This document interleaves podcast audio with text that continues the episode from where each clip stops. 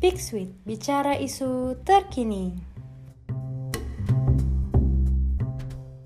Halo semua, selamat datang di podcast BMFKM Unair. Di episode kali ini tuh episode yang cukup spesial karena kali ini nggak cuma Kominfo aja yang bikin podcast, tapi kita bareng sama Danus. Sebelumnya, perkenalkan saya Kaila dari staf Hublu Kominfo 2020. Di sini saya nggak sendiri, saya bersama dengan rekan saya. Halo, perkenalkan saya Yustika dari Departemen Danus 2020. Oh iya, Kai, di podcast kali ini uh, kita ada yang cukup spesial nih karena hari ini kita bakalan bahas tentang investasi yang lagi rame-ramenya dibahas di masyarakat. Nah, khususnya itu di kalangan anak muda. Bener banget nih Mbak Ika. Nah, di sini kita juga uh, mengundang narasumber yang keren banget loh.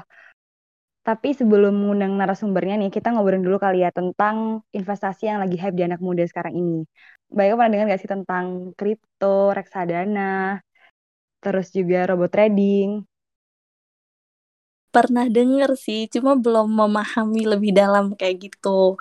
Mungkin kita bisa langsung tanya-tanya lang eh, bisa tanya-tanya langsung nih ke ahlinya kayak gitu gak sih? Iya bener banget. Oke deh kalau gitu tanpa berlama-lama lagi, langsung aja yuk kita ngobrol bareng sama Jason Kosman. Halo Kak. Ya, harus halo semuanya. Apa ya. kabar nih? Baik, baik. Oke, okay. uh, eh, okay. sebelumnya mungkin Kak Jason bisa perkenalan dulu nih. Mungkin ada teman-teman uh, yang dengerin podcast ini yang belum tahu atau belum kenal Kak Jason, bisa tahu siapa narasumber kita hari ini.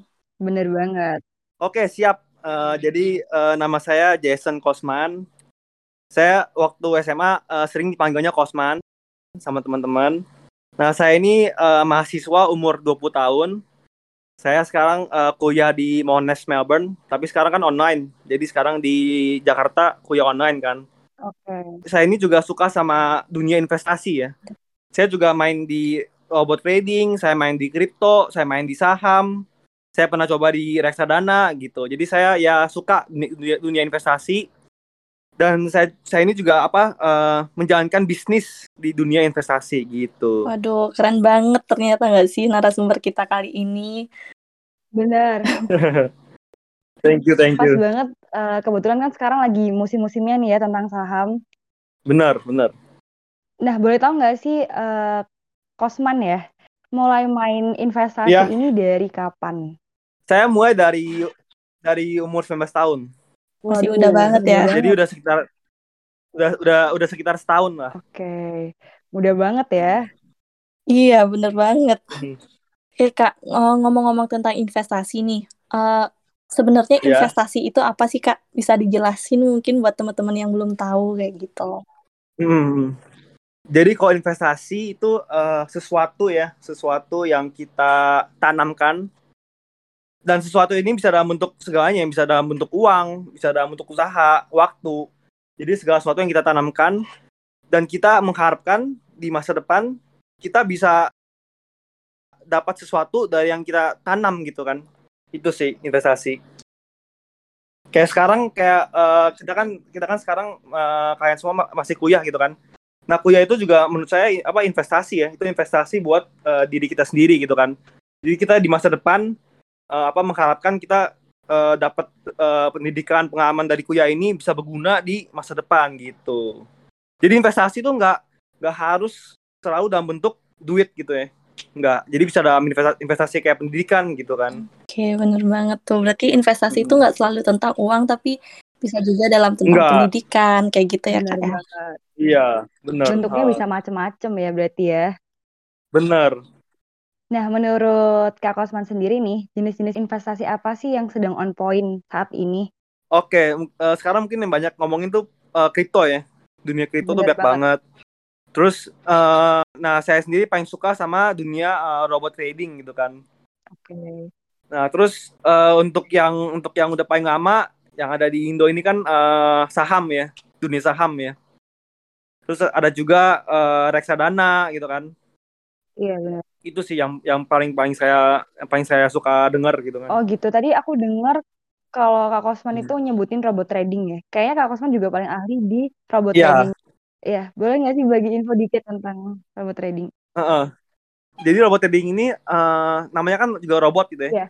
Jadi si robot ini yang menjalankan uh, trading gitu kan. Jadi kita sebagai investor hanya perlu kita beli si robot ini, terus kita kasih modal ke robot ini, jadi dia otomatis jalan buat kita gitu kan.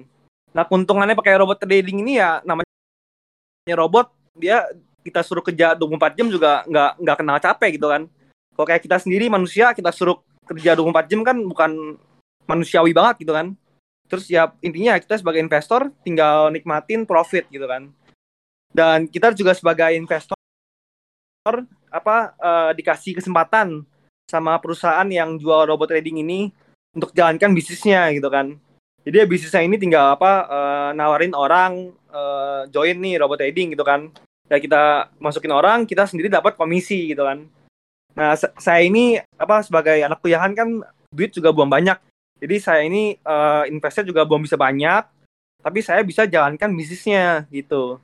Di mana saya bisa dapat profit yang besar tanpa saya masukin uang di robot trading yang besar gitu. Oke, ternyata agak uh, rumit juga ya tentang robot trading ini.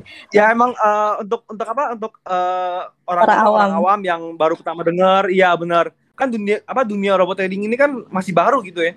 Bukan bener. kayak dunia saham, dunia kripto yang udah yang udah puluhan tahun gitu kan. Bener, Jadi bener. Uh, masih masih belum banyak peminatnya seperti dunia kripto dan saham gitu. Untuk aku orang awam baru banget. Iya, ya uh, bahkan belum nyampe sampai lima tahun gitu kan dunia robot trading ini. Iya. Oke, kalau ngomong-ngomong tentang kripto nih kak, kakak kan uh, main yeah. kripto juga ya? Benar. Mungkin uh, bisa dijelasin dikit juga gitu tentang kripto biar teman-teman bisa ada kayak yang mau memulai investasi bisa ada pilihan kayak gitu. Kripto itu ya saya sukanya apa uh, futuristik banget gitu ya. Saya kan juga suka uh, apa uh, baca di YouTube, uh, dengerin video orang kayak uh, jelasin kripto itu gimana. Terus kripto itu nggak nggak hanya Bitcoin ya. Kita kita kita kan pasti yang tahu cuma Bitcoin biasanya gitu kan. Tapi kripto itu ada sekitar 4000 kalau salah yang saya tahu. Ada 4000 cryptocurrency. Itu bisa kita uh, beli dan kita harapkan di masa depan dia bakal naik tinggi gitu kan kayak kripto uh, tahun ini aja udah udah berapa udah berapa persen gitu kan naiknya kan. Dan ada banyak kain juga yang udah naiknya tinggi tinggi gitu kan. Jadi ya kripto itu ya sebagai uh, saya ya saya uh, percaya kripto di masa depan dia bakal jadi apa untuk uh, penggantinya si uh, fiat currency ya. Fiat currency itu kan kayak apa uh, rupiah gitu kan diganti sama kripto gitu. Jadi ya saya juga investasi di cryptocurrency tapi ya saya nggak investasi sebanyak di robot trading. Karena uh, menurut saya kalian kalau mau investasi, kalian harus tahu kalian ini paling paham dan paling suka di di apa gitu kan. Kalau kayak saya sendiri paling suka sama paham di robot trading. Jadi ya saya investasi paling banyak di robot trading gitu. Oke, kan tadi uh, jenis-jenis investasi yang uh, udah Kak Jason tadi sebutin itu ada banyak tuh kayak ada reksadana, terus ada yeah. kripto. Nah, itu uh, ada plus minusnya gitu nggak sih Kak? Kayak pro dan kontra dari uh, jenis masing-masing jenis uh, investasinya ada, itu. uh, Mungkin bisa dijelasin. Masih ada kayak contoh uh, kayak contoh yang paling saya paham tuh ya si robot trading ini ya.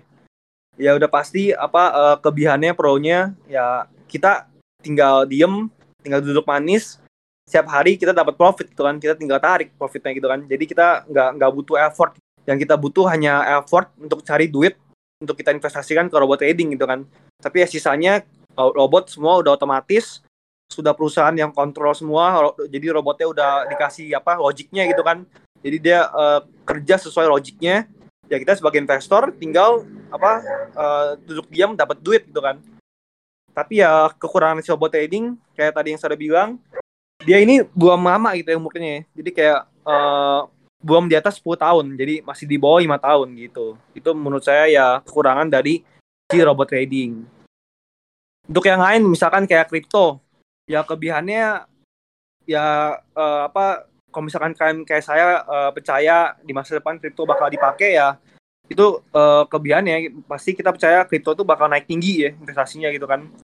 Untuk uh, kekurangannya kripto uh, banyak saya sering baca di berita uh, banyak negara kayak Cina, India itu kan udah ngeban cryptocurrency gitu kan.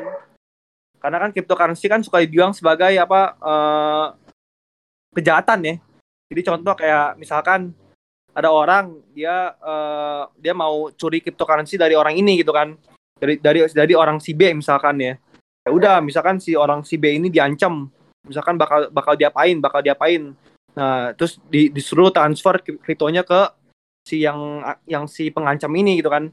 Dan sus- sudah ditransfer, orang yang pengancam ini tinggal, kabur. Hmm. Dia eh, apa eh, yang pengirim ini kan udah udah nggak bisa di track lagi kan karena kan cryptocurrency itu kan nggak nggak bisa di track gitu kan sama orangnya gitu kan jadi ya kejahatan apa gampang diakuin dengan kripto gitu kan gitu sih Oke, oke. Nah, kalau dari kelebihan beserta dan kekurangan dari investasi yang tadi udah disebutin sama Kak Kosman ya, maksudnya dari robot trading sama kripto, ya itu apa sih yang membuat Kak Kosman itu lebih suka berinvestasi di robot trading daripada investasi lainnya? di robot trading eh, karena saya paling paham sih saya paling paham dan eh, saya paling suka. Dan apa eh, saya juga percaya apa robot trading itu bakal berkembang gitu ya bakal bakal ngehits gitu kan nanti di sini gitu ya. Saya kayak contoh saya ini kan join robot trading kan dari eh, Desember ya Desember 2020 kan. Kayak saya ingat waktu itu saya masih join tuh member member robot trading di suatu perusahaan itu masih membernya di bawah 20.000 ribu. Sekarang eh, minggu lalu saya cek terakhir itu membernya udah 85.000 ribu plus tuh. Jadi apa naiknya sangat tinggi gitu kan jadi ya saya saya pa- apa eh, tahu banyak eh, mulai muncul peminat si robot trading gitu. Oke, atau mungkin Kak Kosman merasa kalau main kripto itu terlalu mainstream atau jadi akhirnya nyoba-nyoba yang baru? oh kalau saya sih eh, justru kalau semakin banyak orang yang main kripto berarti seharusnya semakin bagus ya. Saya kan kalau semakin banyak berarti semakin banyak orang yang beli ya otomatis pasti harga kripto eh, makin lama makin naik gitu kan kalau makin banyak yang apa demand-nya gitu kan Oh iya benar-benar. Jadi ya saya saya eh, justru eh, dengar kayak cryptocurrency lagi ngehits, saya malah ikutan juga seneng gitu kan. Oke, kalau gitu boleh nggak Kak Kosman kasih tips bagi anak muda nih untuk memulai investasi? Kalau tips untuk anak muda ya eh, pastiin kalian paham kalian investasi apa gitu kan. Jangan cuman kalian kayak eh, dengar teman kalian, wah gua gua hari ini untung satu juta nih dari dari krip- kripto nih gitu kan. Nah kalian langsung taruh duit kalian di kripto, padahal kalian belum tahu apa apa gitu kan, cuman tahu dari temen gitu kan. Ya kalian eh, pelajarin lah macam-macam investasi banyak di di dunia ini kan banyak gitu kan. Kayak kalian eh, pelajarin terus kalian lihat nih kalian tuh menurut kalian kalian suka yang mana gitu kan ya kalau kalian suka misalkan di robot trading ya kalian invest di robot trading kalian suka di kripto ya kalian invest di kripto gitu kan. Atau juga kalian juga bisa apa eh, diversifikasi ya kayak saya gitu kan. Jadi ada eh, berapa persen di robot trading berapa persen di kripto berapa persen di saham. Tapi yang pasti kalian taruh yang paling banyak itu yang kalian pahami gitu. Oke, ternyata keren banget ya kelihatannya kalau kita main saham kayak gitu. iya Eh, yang aku simpulin dari eh, awal itu berarti kalau kita eh, investasi itu, investasi itu nggak cuma eh, masalah duit doang, berarti itu bisa kayak di tanah, terus eh, dunia pendidikan kayak gitu-gitu ya kak ya. Terus, benar benar masing-masing eh, jenis dari investasi itu juga punya plus minusnya masing-masing. Bener banget. Terus Benar. untuk eh, untuk kita memulai investasi itu kita juga perlu untuk nentuin tujuan kita itu mau ke mana kayak gitu betul kak? benar benar Oke, ternyata seru banget juga ya ini Benar. ngomongin tentang investasi ini. Mungkin teman-teman setelah dengerin podcast ini, teman-teman yang dengerin bisa memulai nih investasi, mulai yang dari kecil-kecil aja gitu dulu kak ya, bener nggak? Bener, eh, semua kita pasti mulai kayak eh, saya juga inget saya sendiri waktu apa eh, pertama kali invest di robot trading suka saya eh, beraninya cuma taruh paling kecil gitu kan. Saya saya eh, tanya paling kecil bisa berapa gitu kan di sini kan gitu. Baru nanti pas saya udah paham, saya udah dapat duit dari hasil apa bisnis saya di robot trading, baru saya tambahin terus gitu kan. Jadi pasti pertama start dari small semuanya. Bener-bener. Berarti kalau mau investasi kita harus bener-bener melajarin banget ya supaya untung ruginya juga kita perhitungin kayak gitu ya. Benar. Nah, terakhir nih dari Kak Kosman mungkin ada pesan buat teman-teman yang dengerin podcast ini, khususnya buat anak-anak FKM Unar ataupun anak-anak di luar FKM Unar untuk apa ya? Investasi ini bisa menguntungkan loh kalau kita tahu caranya gitu. Bener, bener. Kita ya, ya, ya seperti yang saya udah bilang ya kita harus paham ya kita mau investasi apa dan apa saya sarankan eh, memulai investasi dari sejak dini gitu ya. Kayak eh, mungkin kalian kayak bilang kayak wah ini sa- saya mulai investasi 19 tahun tuh muda gitu ya.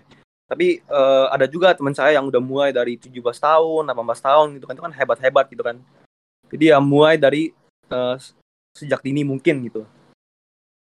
Oke, terima kasih untuk Kak Jason Kosman untuk uh, waktunya yang udah diluangin hari ini untuk ngisi podcast Siap. ini. Semoga uh, teman-teman yang dengerin podcast ini bisa menangkap ilmunya dan bisa menerapkan gitu ya Kak ya. Bener, Atau bener. mungkin kalau mau tahu lebih lanjut lagi, mungkin Kak Kosman bisa ngasih Instagram atau sosial media lainnya supaya nanti teman-teman yang dengerin bisa kepoin lebih lanjut tentang Kak Kosman. Betul banget. Bisa eh, Instagram saya Jason Kosman. Oke, Jason Jason K O S M A N Kosman. oke teman-teman bisa dicatat kali ya nanti kalau abis denger ini terus pengen tahu deh lebih lanjut tentang investasi bisa langsung aja cek di dot Instagramnya. Gitu ya Mbak Ika ya. Betul Siap. banget. Oke, terima kasih untuk Kak Jason. Mungkin di lain waktu kita Siap, bisa ya. ngobrol-ngobrol lagi kayak gitu ya. Bener Siap, banget. siap. Seru banget loh obrolan siang ini. Oke, sekali Bener lagi banget. kami mengucapkan Iya. terima kasih ya Kak. Siap, yuk. Selamat Selamat siang. Oke, selamat siang. Oke, teman-teman, makasih banyak yang udah nyimak obrolan seru di podcast BEM FKM Kominfo X Danus kali ini. Saya Kayla bersama dengan rekan saya. Dan saya Yustika. Kami mengucapkan terima kasih dan sampai berjumpa di podcast selanjutnya. Bye-bye. Bye.